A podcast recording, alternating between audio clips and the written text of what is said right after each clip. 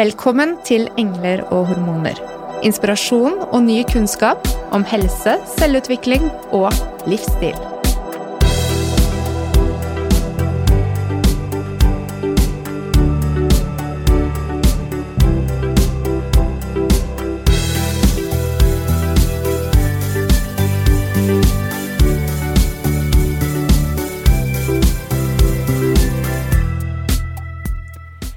Vi har kun 24 timer til disposisjon i løpet av døgnet.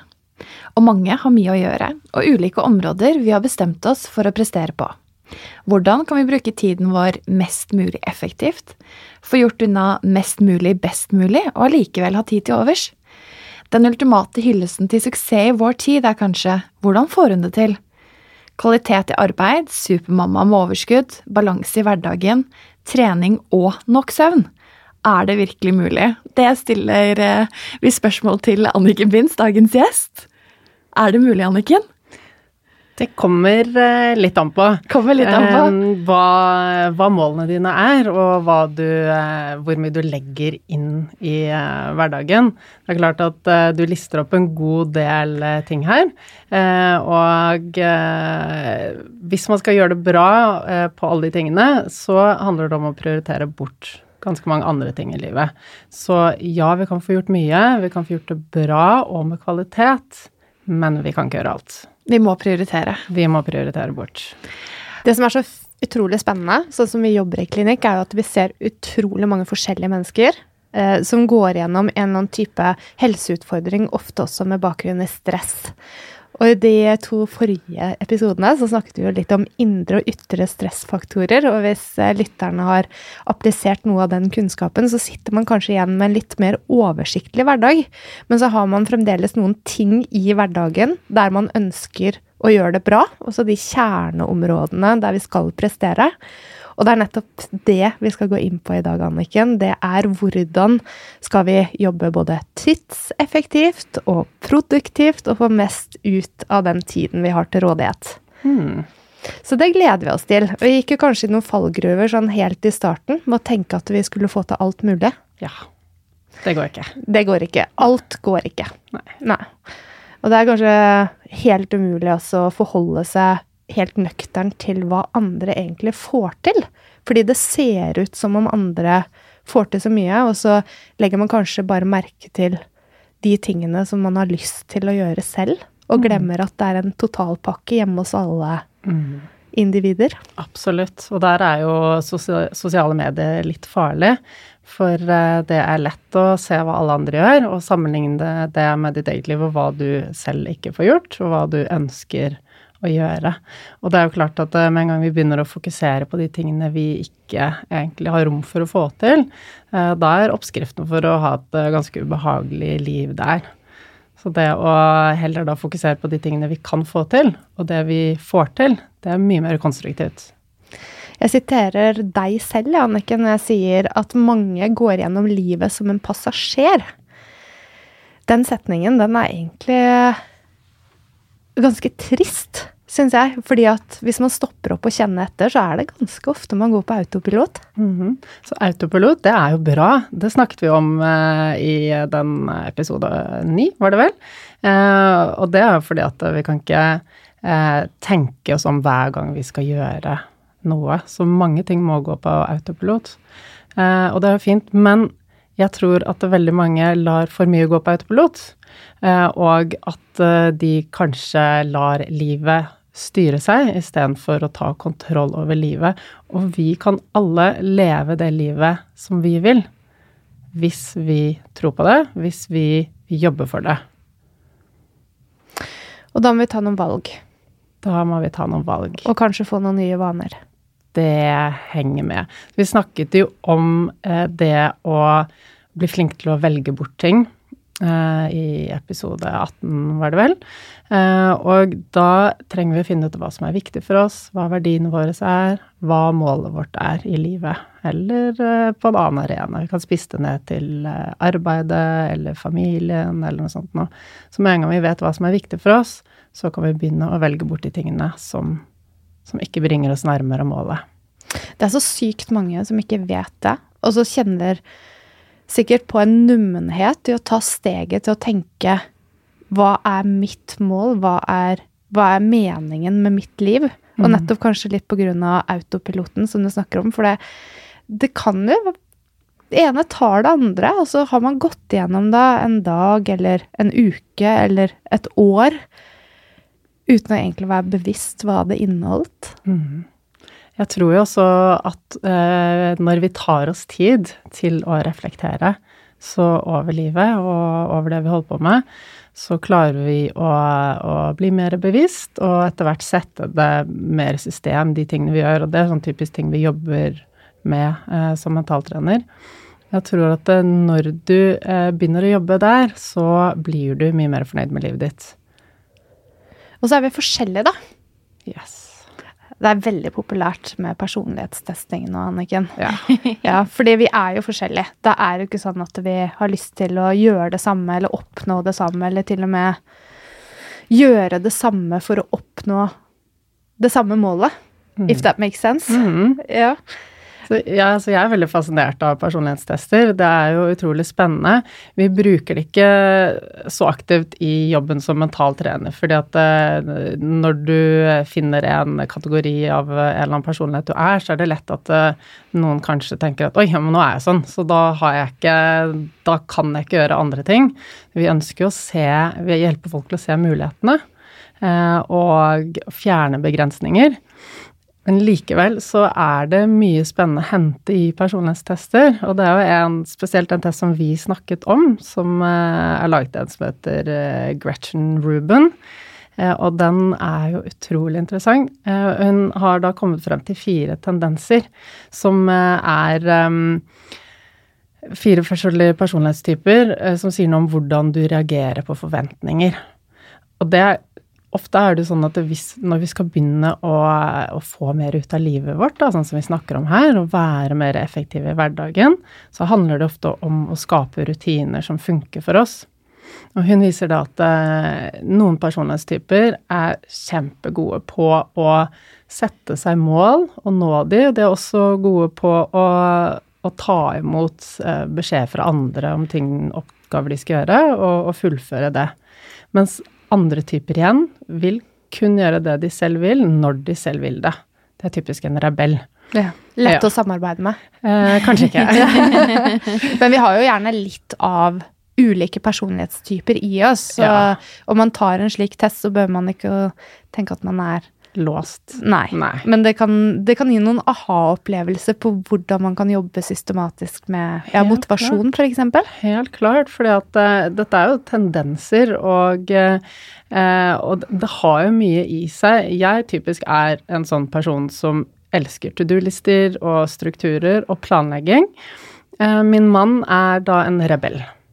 Han skal kun gjøre det han selv vil, når han selv vil det. Så når jeg da på søndagen lager en ukesplan for ukens middag, og skal dra og gjøre ukesshopping på mandagen, og jeg spør han hvilke dager han skal ha middag hjemme, så går jo han helt i svart. For, det, for han så blir det overveldende. Det, det bare fyrer stressresponsen hos han. Så han fungerer på en helt annen måte.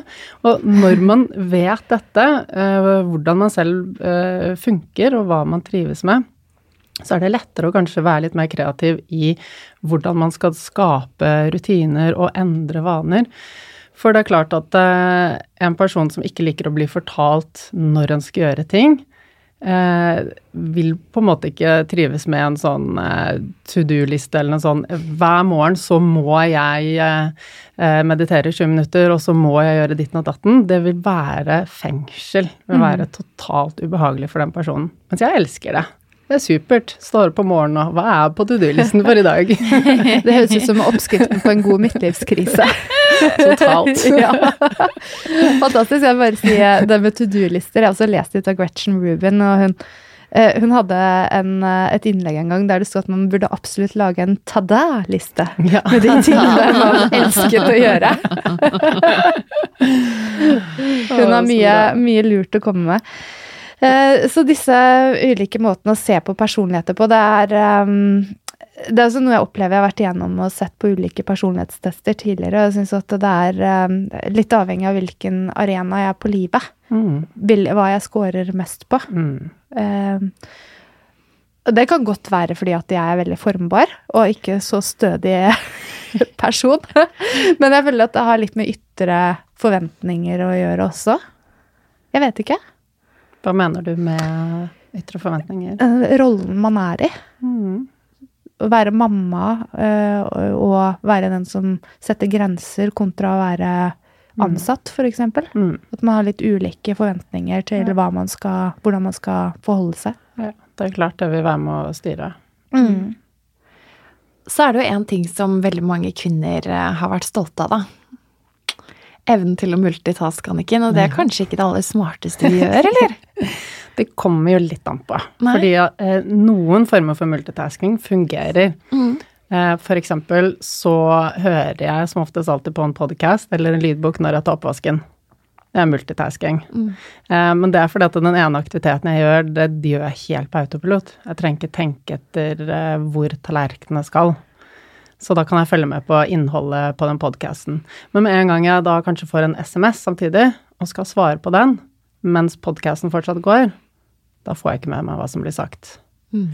Og det er jo det Det viser seg at det, når du da jobber, hvis vi snakker om å få litt mer effekt ut av arbeidsdagen, så er det jo sånn at det, hvis vi fokuserer på noe, er konsentrert i eh, en eller annen oppgave vi gjør, og vi blir tatt ut av den og må sette oss inn i noe annet og begynner å få tankene over på noe annet, så tar det veldig lang tid å gjenvinne fokus igjen når vi skal tilbake til den første oppgaven. Og det kan ta opptil 20 minutter. Så det er klart at eh, hvis du i løpet av en arbeidsdag da har ganske mange avbrudd, så snakker vi om plutselig timer av effektiv arbeidstid som forsvinner. Så- Ved hvert pling av en eh, e-post eller melding eller Ja, mm. så hver gang du får et avbrudd, så hjernen vår klarer ikke å konsentrere seg om to ting samtidig. Altså en, enkle ting, sånn, sånn som går på autopilot, ta ut oppvaskmaskinen. Men når det gjelder eh, sånn fokusert tenkning på noe vi sitter og skriver og, og jobber med, så går det ikke. Er det det som da går inn under det som kalles for en type tidstyv, liksom? Eller? Det er helt klart en veldig stor type eh, En stor tidstyv, det å drive og multitaske. Eh, I mine øyne så er det å jobbe med å redusere multitasking en av de viktigste veiene til en mer effektiv hverdag, og spesielt da med tanke på en arbeidshverdag. Hvordan skal vi planlegge det da, for å unngå multitasking? Har du noen konkrete tips til eh, hvordan vi skal bli mer effektive? Ja, så i, eh, først og fremst så handler det om det du sa innledningsvis. Du siterte meg på at eh, mange er en passasjer. Hvis du er en passasjer, så kan du fort gå gjennom arbeidsdagen din og la deg avlede. Med en gang du setter deg selv i førersetet og tar bevisste valg, så kan du selv kontrollere om du lar deg avlede eller ikke. Så det er mange ting vi kan gjøre. Vi kan trene opp evnen vår til å fokusere. Og dette er en mental ferdighet, det å holde konsentrasjon og være fokusert, og det er trenbart. Og så har det også med eh, å gjøre hvordan vi strukturerer arbeidsdagen. Du nevnte at det plinger på e-poster eller meldinger som kommer inn. Mhm. Alle former for push-varsler.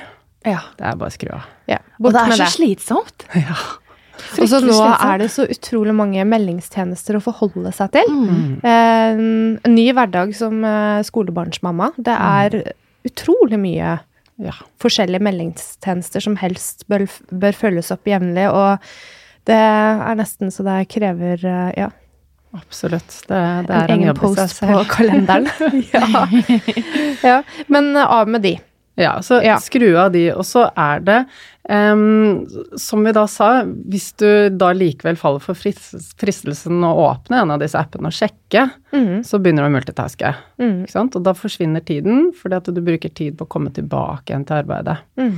Så sett av faste tider til å sjekke sosiale medier, til å ta telefoner, til å svare på e-poster. Mhm. Du må da finne ut hva som passer for deg i forhold til hva du jobber med, og hvordan eh, hverdagen din ser ut, men helt spesifikke faste tider, og hold deg til det. Og da krever det jo viljestyrke, -hmm. ikke sant? Mange er litt avhengig av å scrolle ned på telefonen sin og være litt sånn braindead og få litt eh, impulser. Mm. Eh, så dette handler om viljestyrke. Viljestyrke er også eh, noe vi kan trene opp. Så um, Ja, men den med e-post, tenker jeg, der fikk jeg et veldig godt råd. Mm. Eh, fordi en ting er å sjekke over innboksen. Det gjør man gjerne når man kommer på jobb om morgenen for å se om det er noe viktig. Mm. Men eh, jeg fikk som tips der å skanne overskriftene. Og hvis det var noe som krevde bare kort svar, som jeg kunne få unna med en gang, ok. Mm. Men hvis du ser at det krever mer, la den stå. Og Ja. ikke åpne den. For med en gang du åpner den e-posten, så har den tatt kontroll på din tid. Da begynner eh, tankekvernen å gå. Ja. Mm. Så Mm. flyter tiden. Ja. Det er veldig, veldig, veldig smart. Mm. Mm. Og så går det an å um, Setter du av faste tider til å svare på e-poster, og ser at du kanskje ikke kommer i mål, så går det også an å svare på e-poster med at jeg kommer tilbake til deg på Mhm. dette. Um, og det går an å ha en auto-reply også, som tar høyde for at du ikke besvarer e-postene én en gang. Mm. Ja, det er jo kjempesmart. Mm. Da vet du at du allerede har skaffet deg en buffer i den lander i innboksen. Ja, så er det nå å lære opp folk rundt deg til at du kanskje ikke er tilgjengelig hvert sekund. Men så syns jeg også det er litt sånn respektfullt å faktisk svare folk, og da, at det ikke går en uke kanskje før du kommer med et svar hvis det er noe som er viktig, men da går det an å si at dette skal jeg tenke på, jeg kommer tilbake til deg. Mm. Så du, folk vet at du har mottatt eh, e-posten, men at de også da vil respektere at du svarer på det når det passer. Supersmart, Anniken. Jeg tror nok eh, vår generasjon eh, som ikke vokste opp med e-post i skolen eh, ja, Kanskje ikke bare derfor, men det er lett for å ta litt overhånd med altså, alle arenaer vi skal være tilgjengelige på. Helt klart. Og så er det jo også sånn med Får vi eh, en melding på telefonen, får vi en e-post, likes på et eller annet bilde vi har lagt ut, så booster jo det eh, lykkehormonene våre. Mhm. Ikke sant? Det gir jo en god følelse, og det er lett å bli litt avhengig av det, og lett å søke litt til det i hverdagen. Så det å ha faste tider for det, det krever at du har litt kustus på deg selv. Mhm. At du er, setter deg selv i førersetet, og at du tar kontroll over eh, hverdagen din. Jeg syns det var så fint det du sa, Anniken, om å sprinte istedenfor å løpe maraton når det gjelder akkurat disse tingene her. At man ja, setter av f.eks. 45 minutter da, til å gjøre noe spesifikt fremfor å bruke åtte timer på å multitaske. Ja, for det er jo det er også en annen ting som, som er veldig viktig. Vi har jo noe som heter Parkinsons law, Ja. eh, og den sier det at eh, arbeid ekspanderer til å fylle den tiden som er tilgjengelig. Så har du da, eh, som du sier, åtte timer tilgjengelig, og du har noen arbeidsoppgaver du skal gjøre, så, så er det lett at det kanskje flyter litt ut, og så sjekker du litt e-poster, og så Ting tar tid. Eh, men hvis du da setter opp konkrete arbeidsøkter Jeg liker å planlegge dagen med å si at fra da til da så jobber jeg fokusert med den og den oppgaven. Og så har jeg da lagt inn pause hvor jeg kan space ut eller gjøre noe helt annet. Skru av det fokuset litt. Og så tilbake til fokus igjen. Og eh, vi jobber alle litt, vi alle litt forskjellige. Eh, så det går an, eller det er smart, da, å kartlegge deg selv litt og finne ut hva er den ideelle arbeidslengden for deg. Mhm. På 15 minutter så kan mye være gjort. Det er liksom Har vi øh, denne skippertak-greia? Det er mange som yter ganske bra når det nærmer seg deadline, ikke sant? Kan vi skape små deadline for oss selv og si at yes, jeg har nå 60 minutter eller 45 minutter å jobbe på. Jobber jeg effektivt, og så har jeg en pause. Da kan jeg sjekke mail, eller da kan jeg gå en tur, eller drikke en kopp kaffe, eller et eller annet sånt noe. Med god samvittighet. Med veldig god samvittighet. Og det er litt viktig også, vi har snakket om før det å belønne oss når vi, eh, når vi gjør noe, for det skaper motivasjon. Så det å, å, å gi deg selv den belønningen, ikke bare ok, nå kommer jeg i mål med det, så nå hopper jeg rett på neste oppgaven og produsere, produ, produsere hele tiden, det er ikke så produktivt i det lange løp. Blir litt så utmattende, på en måte. Det blir fort utmattende. Så det er viktig å legge inn pauser. Og det er viktig å legge inn motivasjon og ros. Så, men ja, kort oppsummert, finne ut eh, hva som er en ideell arbeidsøkt, altså i forhold til lengde på tid for deg, og så kan du planlegge deretter. Legger inn pause. Kanskje 20 minutter, kanskje 45 minutter, eller kanskje 90 minutter. Mm. Kommer litt an på hva slags type arbeid du gjør også, og så jobber du effektivt og er eh, strukturert, og så trener vi oss opp til å holde fokus. Mm. Og det er klart at uh, alle som har prøvd å meditere og holde fokus på noe, vet at det dukker opp tanker i hodet. Og jo mer vi øver oss på å stilne de tankene, eller bare la de fare og holde fokuset, jo flinkere blir vi på det. Men meditasjon, er det en måte å trene på fokus på? Ja. Så meditasjon, all form for mindfulness og tilstedeværelse trener opp vår evne til å konsentrere oss. Og det kan vi gjøre både mentalt, og vi kan også gjøre det rent fysisk ved å liksom holde blikket på ett punkt også.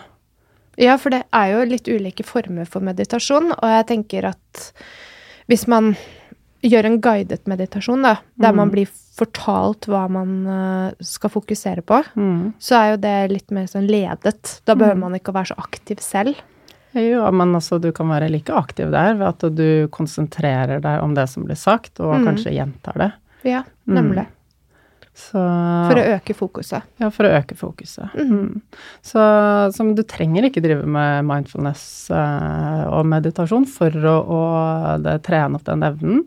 Men jo mer du gjør av det, uh, altså sitter du og jobber, fokus, fokuserer på det du jobber med, uten å slippe til andre tanker, jo bedre blir du på det. Ja. Og jeg tenker, for meg så er det alltid viktig å, å motivere meg. Altså hvis jeg vet hvorfor det er viktig for meg å øve og trene på en ting, så er det mye lettere for meg å gjøre det.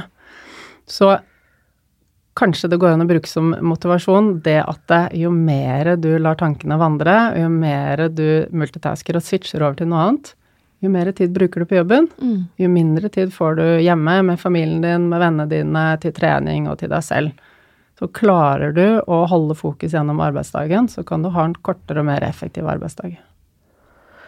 Åh, det høres så utrolig bra ut. Og jeg blir- sånn Ok, hva er det jeg klarer å fokusere på? Netflix?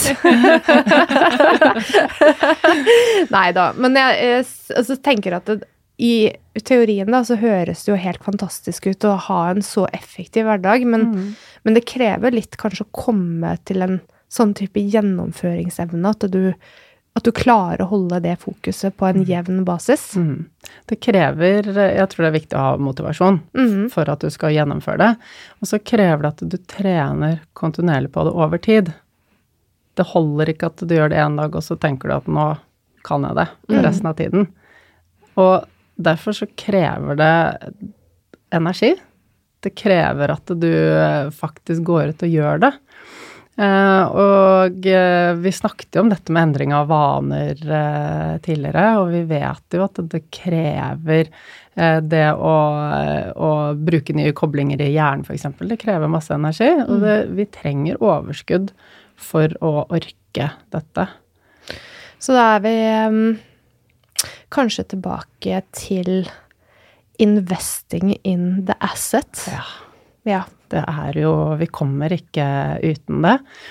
Det Kan du forklare litt hva da som ligger i det uttrykket? Ja, så det er jo det at eh, den viktigste asseten er jo deg selv. Mhm. Mhm. Og det er jo sånn på flyet når de tar eh, sikkerhetsrutinene, så sier du alltid at du skal ta den oksygenmasken over deg selv før du hjelper barna. Mm. Så passer du ikke på deg selv, så har du ikke så mye å bidra med utover, utover deg selv i det lange løp. Og det er jo sånn, forskningen viser jo at det, trening gir deg økt fokus. Det, det, det er bra, for du får en sterkere hjerne. Så, og så er det mange som sier men jeg har ikke tid til å trene. Mens jeg mener at det er viktig å ta seg tid til de tingene som vil generere effektivitet. Mm. Og alle investeringer i helse vil jo gjøre at du yter mer over lengre tid, har bedre konsentrasjon og er gladere. Ikke sant? Er vi gladere, har mindre stress, har bedre helse, så eh, vil det hjelpe oss også til å holde konsentrasjonen. Ikke sant? Stress, dårlig humør alle de tingene, det er jo distraksjoner. Og det er jo både fysisk og mental trening som kan bygge opp Mm. det. Og så har vi også ernæring og søvn, som Ja. er to veldig viktige faktorer. Ja. Så eh, for å nevne ernæring, vi hadde jo Helene Ragnhild som var her i episode åtte, hun snakket jo eh, mye om kosthold, og spesielt da tarmens helse, altså tarmflora. Uh, jeg er også litt over gjennomsnittet interessert i kosthold og sånt. Så, så jeg vet jo forskningen viser det at eh, balanse i tarmfloraen, det påvirker vår evne til å konsentrere oss. Det påvirker tankene, følelsene våre, eh, hvor mye vi grubler over ting. Så det er klart at hvis du putter i deg dritt, så får du dritt. Ja. Mm, kort sagt. Mm. Og, og, hvile, søvn, avspenning, eh, det er eh, et av de viktigste punktene hvis man skal nå langt. Og som mental trener så er det noe som alltid står på agendaen. Nå husker jeg ikke helt hva Melina sa i episoden om utholdenhetstrening, men eh, var det sånn søvn Hvis du får en god natts søvn, så kan det gjøre at du presterer 20% bedre. Det tror jeg på. Mm. Mm. Det er jo Det er ikke noe vi kommer forbi. Og jeg tenker også at det er veldig eh, lett å bortprioritere seg selv i en mm. travel hverdag. Um, når man leser, da, type vaner som suksessrike gründere og ledere og personer i verden har, mm. Eh, så er det jo ikke så mange som fremhever at de bruker mye tid på sosiale medier. Jeg tror ikke engang Mark Zuckerberg sitter mye på Facebook. og, eh, men det er også dette her med å ha klare rutiner på mm. trening og kosthold, og morgenrutiner er jo en sånn mm. supertrendgreie. Mm. Så det tenker jeg Morgenrutiner for en person som meg, som er veldig glad i struktur, -hmm. perfekt. Ja. ja. Det er ikke sikkert alle syns det er like lett tilgjengelig. Kanskje noen er B-mennesker og, og, sliter med å komme seg opp om morgenen. Så vi må alle se på hva som passer for oss, og kanskje eh, en eh, småbarnsmor kanskje trenger å sove på morgenen eh, istedenfor å stå opp tidlig. Men hvis ting ligger til rette for det, det å komme seg opp om morgenen før dagen starter og gjøre noe som er bra for deg. Eh, som å trene eller meditere eller skrive, gå en tur, lese noe. Et eller annet som gjør at du blir klar for å møte dagen. Det kan godt hende at du bare setter deg ned og ser over eh, dagens kalender og er mentalt forberedt på alle de stegene du skal gjennom i løpet av den dagen.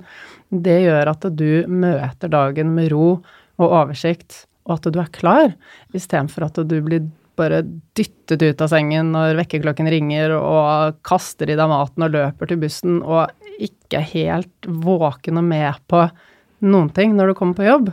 Det er ganske stor forskjell. Da blir du passasjer.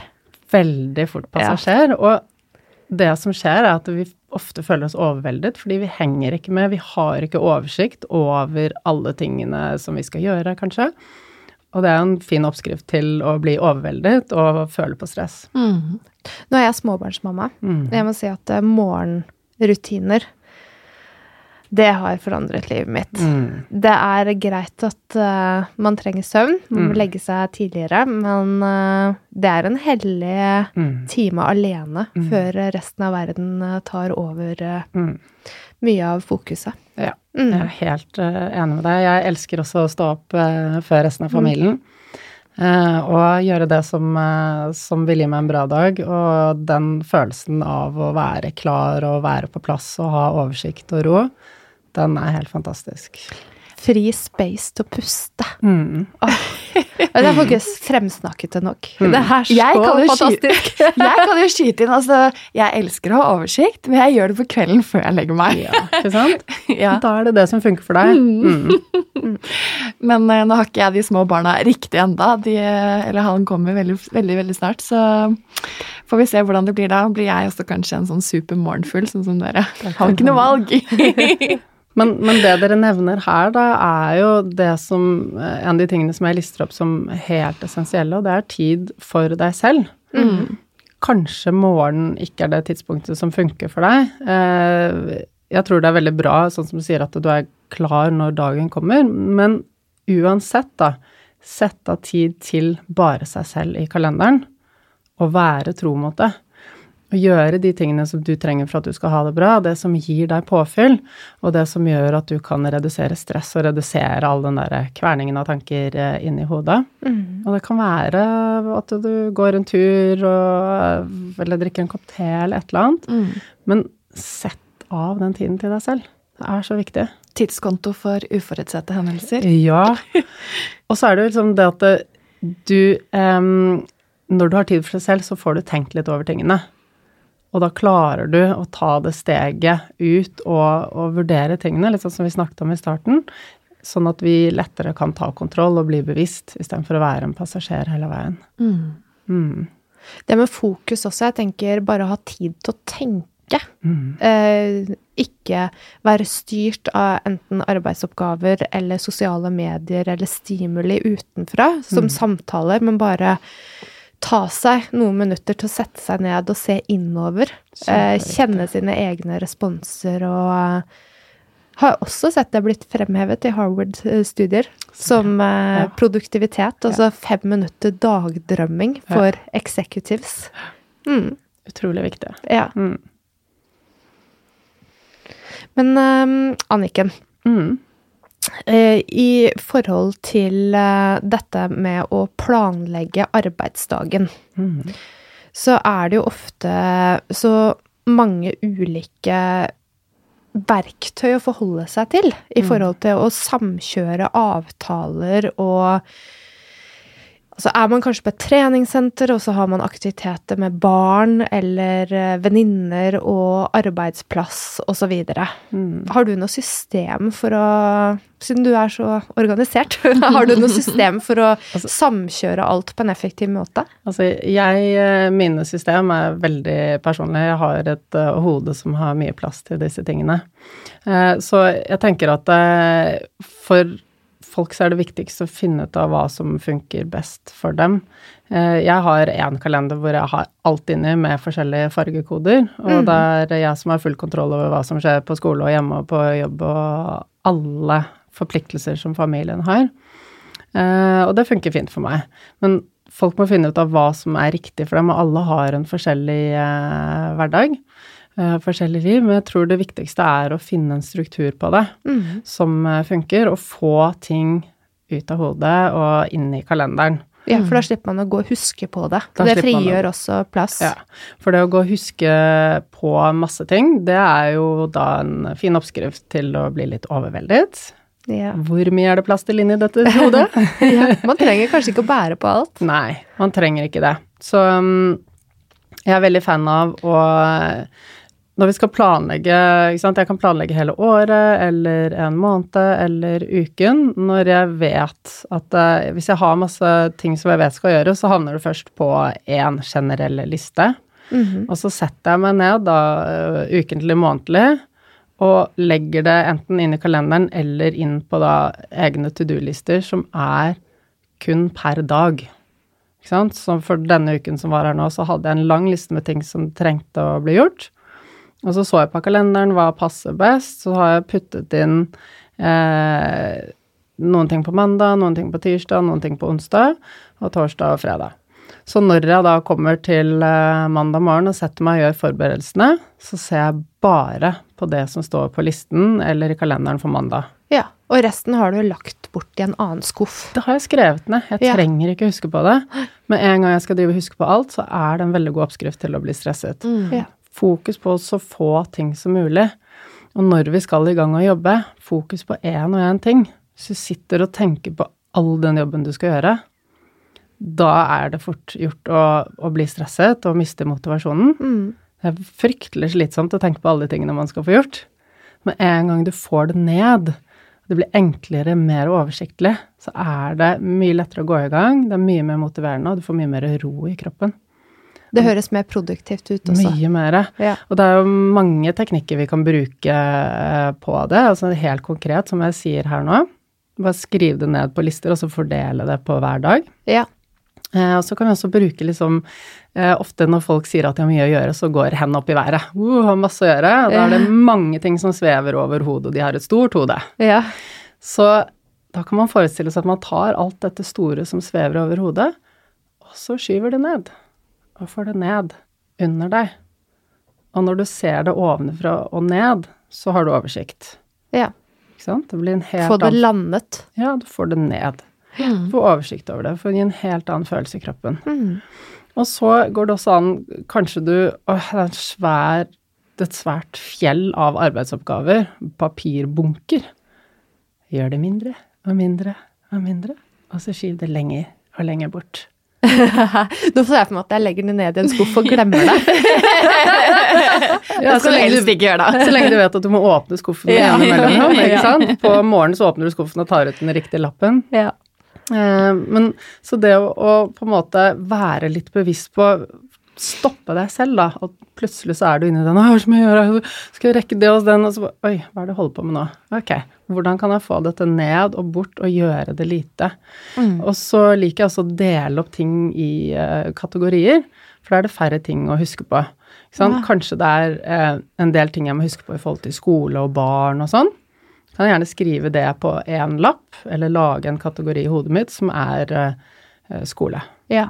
Sant? Eller så er det en del ting i forhold til reparasjon i huset. Kanskje det er fem forskjellige ting jeg skal innom maks på, og så skal jeg innom Jernia, og så skal jeg huske ditten og datten. Det er én kategori. Ikke sant? Få det ned på én lapp, én kategori i hodet. Jeg skal huske på skole, huske på Jernia. Det er mye enklere å huske på skole eh, og, og, eller skole og da reparasjon i hjemmet, enn å huske på at jeg skal, det skal være vennegrupper, det skal være noen foreldremøter, eh, og det skal være eh, masse forskjellige opplegg på skolen. Ti forskjellige oppgaver kan havne i samme kategorien. Reparasjon i hjemmet kan være fem ærend jeg må gjøre, eller fem ting jeg må huske å gjøre. Putte det inn i én kategori. Og så deilig. Ja. For istedenfor å tenke på at denne uken skal jeg ha vennegruppe, foreldresamtale og foreldremøte og Ja. matpakker osv., så, videre, Ja. så kan du bare tenke denne uken må jeg huske på skole. ja.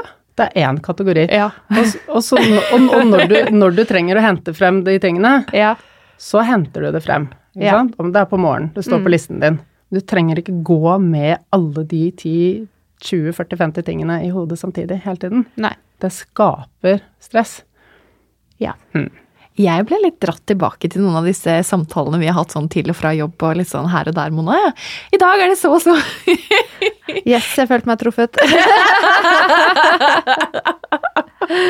Men det er det som er så morsomt med mental trening å snakke med deg, Anniken, er jo at det er en kontinuerlig serie av aha-opplevelser. Mm. Og jeg må si, en ting som jeg også syndet med, og imot kanskje, det er um, alle disse kalenderne som blir foreslått å bruke i ulike eh, sammenhenger. Man har gjerne en på jobb, og så har man eh, kanskje en Sånn som her på podkasten, ikke sant. Man har ulike kalendere.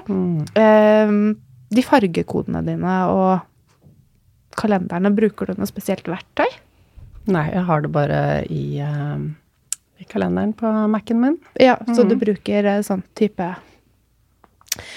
For det, ofte så kan det være litt sånn vanskelig å sette seg inn i, og så sklir det bort. Det, det har jeg hørt av mange som uh, har snakket om, og da har jeg fått det rådet gi det i hvert fall seks måneder, og sett deg ordentlig inn i hvordan alt fungerer før du gir det opp. For det er viktig å samkjøre. Mm. Mm. Ja. Jeg har ikke, noe, jeg har ikke et konkret tips på eh, ett godt verktøy der, for det fins veldig mye. Mm.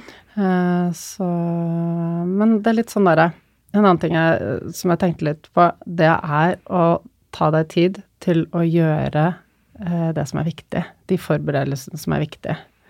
Eh, og det er skal du i gang med, la oss si, skru opp en uh, bokhylle fra Ikea, Mm. les bruksanvisningen før du går i gang.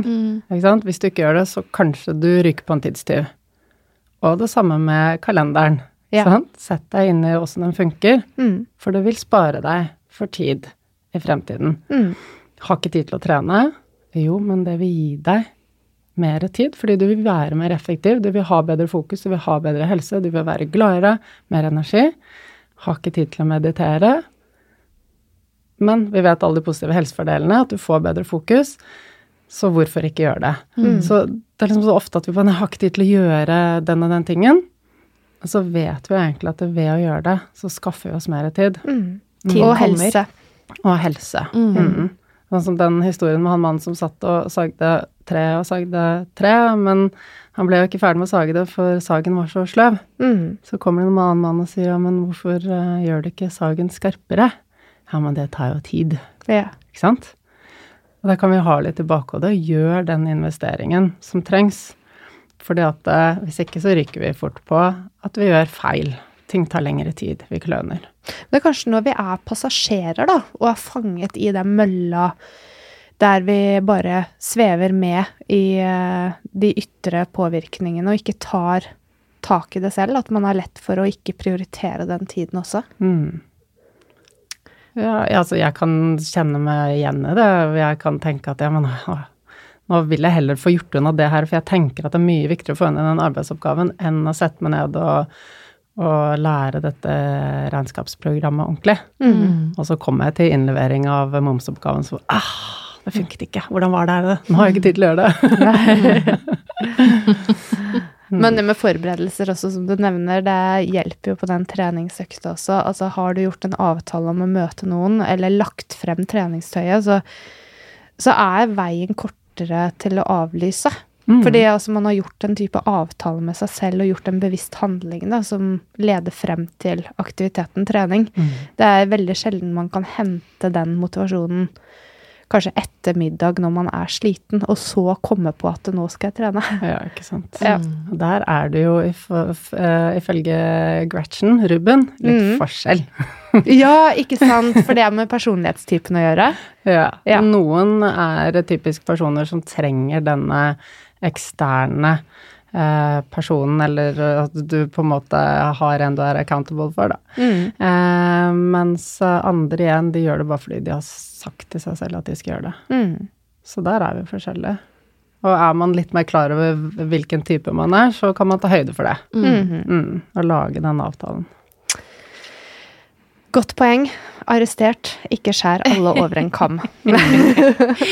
Veldig sant. ja. Men jeg tror det å ta seg tid til å gjøre ting ordentlig er, eh, er veldig viktig. Og det tenker jeg altså Jeg har blitt mye bedre på det. Jeg var veldig dårlig på det før. Og Mm. hastet litt gjennom ting. Og, eh, og dette med tilstedeværelse i de tingene du gjør eh, Det handler om fokus også, ikke sant, som vi Mm. snakket om.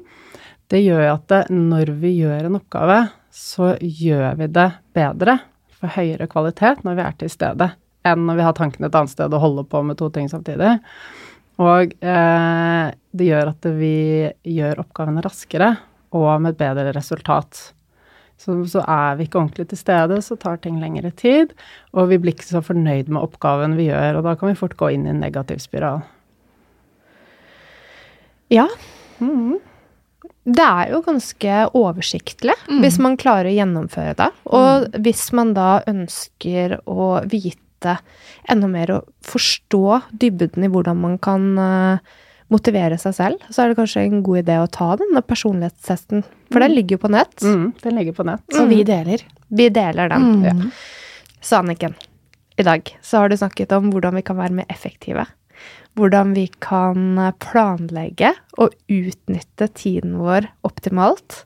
Og ikke minst holde fokus og trene opp fokus. Og ta vare på our primary asset, kroppen. Mhm. Og spennende å få litt input på personlighetstyper, og at vi faktisk er forskjellige også. Men eh, er det noe mer du har lyst til å legge til, sånn helt avslutningsvis? Altså, dette er jo et tema som jeg brenner for å kunne snakke i mange timer om. Det er jo mye vi kan ta med, men jeg tenker at det er én ting som er et nyttig verktøy eh, for folk å ta med seg, og det er å gjøre en liten kartlegging av hva de gjør gjennom en vanlig dag, og hvor mye tid de bruker på det. Og når vi da får kartlagt det og blir litt bevisst på det, så går det kanskje opp en sånn liten eye-opener.